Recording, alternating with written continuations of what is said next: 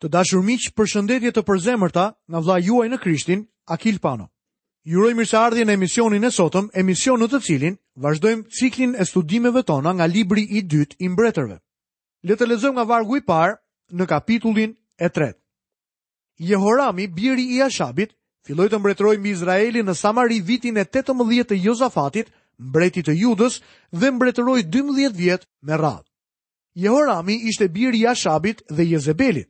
Ai zëvendësoi vëllanë e tij Ahaziaun që vdiq pa lënë fëmijë. Do të lexoj më poshtë në vargun e dytë dhe të tretë. Ai bëri atë që është e keqe për sytë e Zotit, por jo si ati i tij dhe nëna e tij, sepse hoqi shtyllën e Baalit të ndërtuar nga i ati. Megjithatë ai mbeti i lidhur me mëkatet e Jeroboamit, birit të Nebatit, që e kishte bërë Izraelin të mëkatojë dhe nuk u shkëput nga ato. Ai nuk mëkatoi ashtu siç Ashabi, por ai mbeti i lidhur me mëkatet e Jeroboamit, që ishte adhurimi i viçit. Lexojmë vargun e katërt dhe të pestë. Mesha mbreti i Moabit ishte një rritës dhensh dhe i paguante mbretit të Izraelit një haraç prej 100.000 qengjash dhe leshin e 100.000 deshve. Por me vdekjen e Ashabit, mbreti i Moabit, u rebelua kundër mbretit të Izraelit. Moabi ishte në varësinë e Izraelit dhe i paguante atij taksa. Kur vdiq Ashabi, Moabi tentoi të rifitonte lirinë duke refuzuar të paguante këto taksa. Atëherë Jehorami mblodhi trupat e tij dhe bëri një aleancë me Jozafatin që të bashkonin forcat dhe ta kthenin Moabin nën varësinë e tyre. kur nuk arritën të gjenin ujë për trupat e tyre, fushata ushtarake jo vetëm që u ndal, por ata ishin në rrezik që të mundeshin nga moabitët. Mbreti Jozafat, që ishte një njeri që kishte frikë nga Perëndia, sugjeroi që të thërrisnin një profet të Zotit që t'i drejtonte. Do të ishte më mirë që ai të kërkonte udhëheqje prej Zotit, përpara se të lidhte aleancë me mbretin e paperëndishëm të Izraelit. Përgjigja e Elizeut është interesante dhe zbulon përbuzjen e tij për Jehoramin. Lexojmë në kapitullin e tretë nga vargjet 13 dhe 14. Por Elizeu i tha mbretit të Izraelit, ç'punë kam unë me ty, shko tek profetët e atit tënd dhe të nënës tënde. Mbreti i Izraelit iu përgjigj. Jo, sepse Zoti i ka thirrur bashkë të tre këta mbretër për t'i dorëzuar në duart e Moabit, Atëherë Elizeu tha, Ashtu siç është e vërtetë që rron Zoti i ushtrive, në prani të të cilit ndodhem unë, po të mos ishte për respektin që kam për Jozafatin, mbretin e Judës, nuk do të kisha kujdesur aspak për ty dhe nuk do të të kisha begenisur as edhe me një shikim. Më pas Zoti u premton se ata do të fitojnë. Atyre do t'u jepej ujë dhe do ta nënshtronin plotësisht Moabin. Vini re mënyrën e mrekullueshme me të cilën Zoti e realizon këtë gjë. Lexojmë në vargun e 16. Atëherë ai tha: Kështu flet Zoti, gërmoni shumë gropa në këtë luginë. Të nesërmen në orën në të cilën ofrohet blatimi i ushqimit, ja që erdhi uji nga ana e Edomit dhe vendi u mbush plot me ujë. Trupat moabite që janë të detyruara të mbrojnë vendin e tyre kundra Izraelit, tani shohin ushtritë që afrohen. Lexojmë vargjet 22 dhe 23. Kur u ngritën në mëngjes herët, dielli shndriste mbi ujërat. Atëherë moabitët panë para tyre ujëra të kuq si gjak dhe thanë, "Po, ky është gjak." Me siguri këta mbretër janë përleshur dhe kanë vrarë njëri-tjetrin. Kështu pra o Moab, të bëjmë plaçkë. Duke menduar se mbretërit e bashkuar ishin përleshur me njëri-tjetrin, moabitët e harruan luftën dhe secili u nis të bënte plaçkë. Kjo padyshim i dha Izraelit një avantazh të madh. Lexojmë prej vargjeve 26 dhe 27. Mbreti i Moabit, duke parë që beteja ishte tepër e fortë për të, mori me vete 700 veta që vringëllonin shpatat për të çarë rrugën deri tek mbreti i Edomit, por nuk mundën. Atëherë ai mori të paralindurin e tij që do të mbretëronte në vend të tij dhe e ofroi si holokaust mbi muret. Pati atëherë një zemërim të madh kundër atyre izraelitëve që u larguan nga ai dhe u kthyen në vendin e tyre. Sakrifica njerëzore praktikohej gjerësisht nga moabitët. Padyshim ata i ofronin sakrifica zotit të tyre, Kemoshit, i cili ishte veçse një idhull, me shpresën se duke i ofruar trashëgimtarët e tyre, Kemoshi do t'i shpëtonte nga armiqtë. Megjithatë, ky ishte një sinjal fitoreje për Izraelin dhe padyshim që i ka habitur ata për fuqinë e hirit të Zotit, Perëndisë së Izraelit. Kapitulli i katërt përmban pesë mrekulli të kryera nga Elizeu, edhe pse ka një ngjashmëri ndërmjet mrekullive të kryera nga Elia dhe Elizeu, mrekullitë e kryera nga Elizeu ka një shtrirje më të madhe. Lexojmë në kapitullin e katërt nga vargu i parë. Një grua bashkëshortja e një dishepulli të profetëve i thirri Elizeu duke i thënë: Shërbëtori yt burri im vdiq, dhe ti e di që shërbëtori yt kishte frikë nga Zoti. Tani huadhënësi ka ardhur. Me sa duket, Elizeu e njihte burrin e saj. Ajo i kujton atij se i shoqi kishte qenë një besimtar i vërtetë, por kur vdiq, kishte lënë një borxh nga pas të papaguar dhe huadhënësi tani ia kërkonte së shoqes. Nëse huamarrësi nuk kishte pronë private, ai vetë dhe familjarët e tij do të shërbente si garanci për kthimin e borxhit, kështu që huadhënësi ligjërisht mund të merrte të birin e së vesë si pagim të borxhit. Lexojmë në vargun e dytë. Elizeu i tha, ç'duhet të bëj për ty? Më thuaj, çfarë ke në shtëpi? Ajo u përgjigj, shërbëtorja jote nuk ka asgjë në shtëpi, përveç se një enë të vogël me vaj. Elizeu ndjeu përgjegjësinë e tij për të ndihmuar këtë familje të vogël. Ligji i Mojsiut insiston në kujdesin ndaj vejushave dhe jetimëve. Lexojmë më poshtë prej vargjeve 3 dhe 5. Atëherë ai i tha: Shko dhe kërko hua nga gjithë fqinjët e tu disa enë boshe dhe mos u kërko pak. Kur të kthehesh, mbyll portën prapa teje dhe bijve të tu. Pastaj derdh vajin në tërë enët, duke vënë më një anë ato që do të mbushen. Ajo u largua prej tij dhe mbylli portën pas vetes dhe të bijve. Këta i sillin enët dhe ajo derdhte vajin në to. A nuk është me të vërtetë një mrekulli e jashtëzakonshme?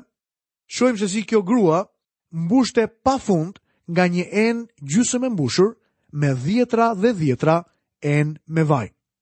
Ata kishin që nga ky moment e tutje, vazhdimisht vaj në shtëpinë e tyre.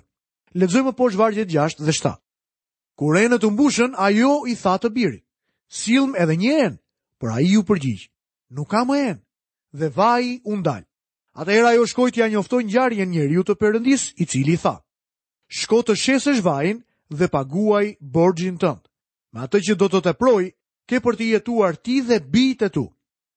Kjo pa dyshim është një mrekulli më e madhe se ajo e vajit të pashterueshëm të së vesë nga Sarepta në kohën e profetit Elia.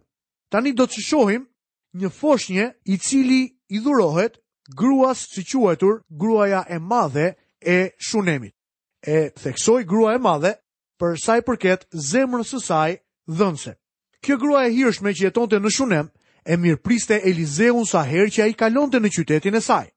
Lexojmë nga vargjet 9 dhe 10.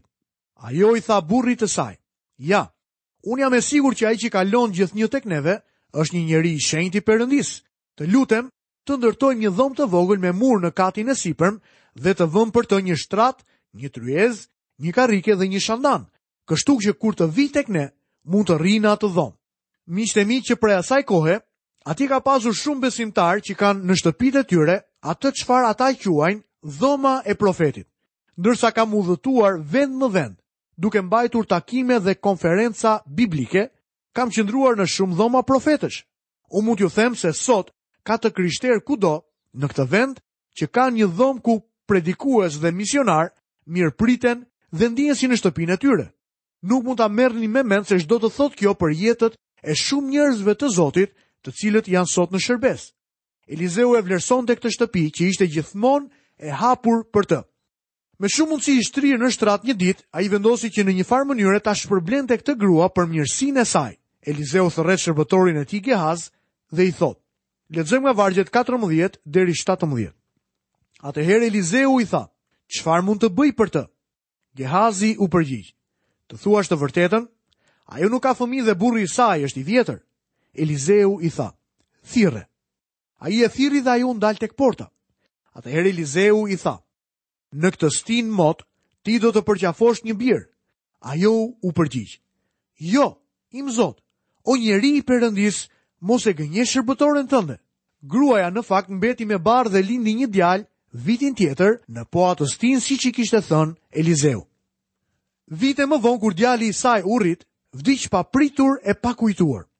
Elizeu e ktheu në jetë duke përdorur të njëjtën mënyrë që kishte përdorur Elia në librin e parë të mbretërve në kapitullin e 17. Shohim që në këtë mrekulli që Perëndia përdor Elizeun, kontakti personal me fëmijën e vdekur që u kthye në jetë ishte çelësi i kësaj mrekullie. Parimi i madh këtu është ky. Atëherë kur ne jemi të vdekur në faje dhe mëkate, kontakti personal me Jezu Krishtin është ai i cili na sjell në jetë.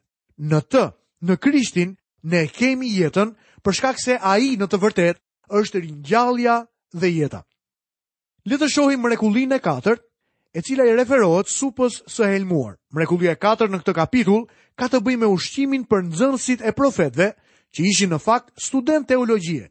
Kjo ndodhi në një kohë krize dhe një nga djemtë doli të mblidhte ndonjë frut apo perime të egër Nëse mund të gjente, me perimet e gjetura ata gatuan një supë.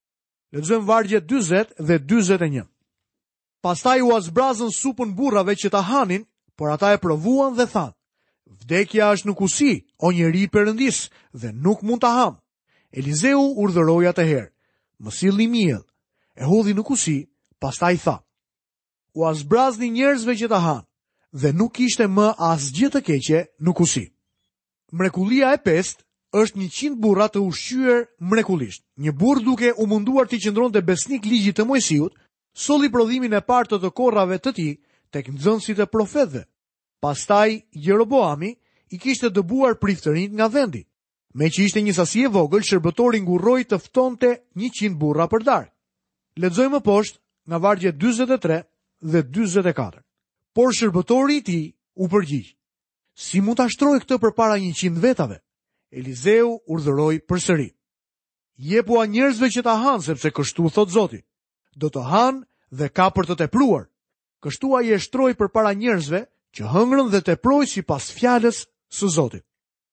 Kjo na kujton kohët kur Zoti Jezu Krisht, Zoti ynë i lavdishëm, gjatë shërbesës së tij në tokë, ushqeu turmat prej 4 dhe 5000 vetësh njëherëshi me disa bukë dhe 5 peshq.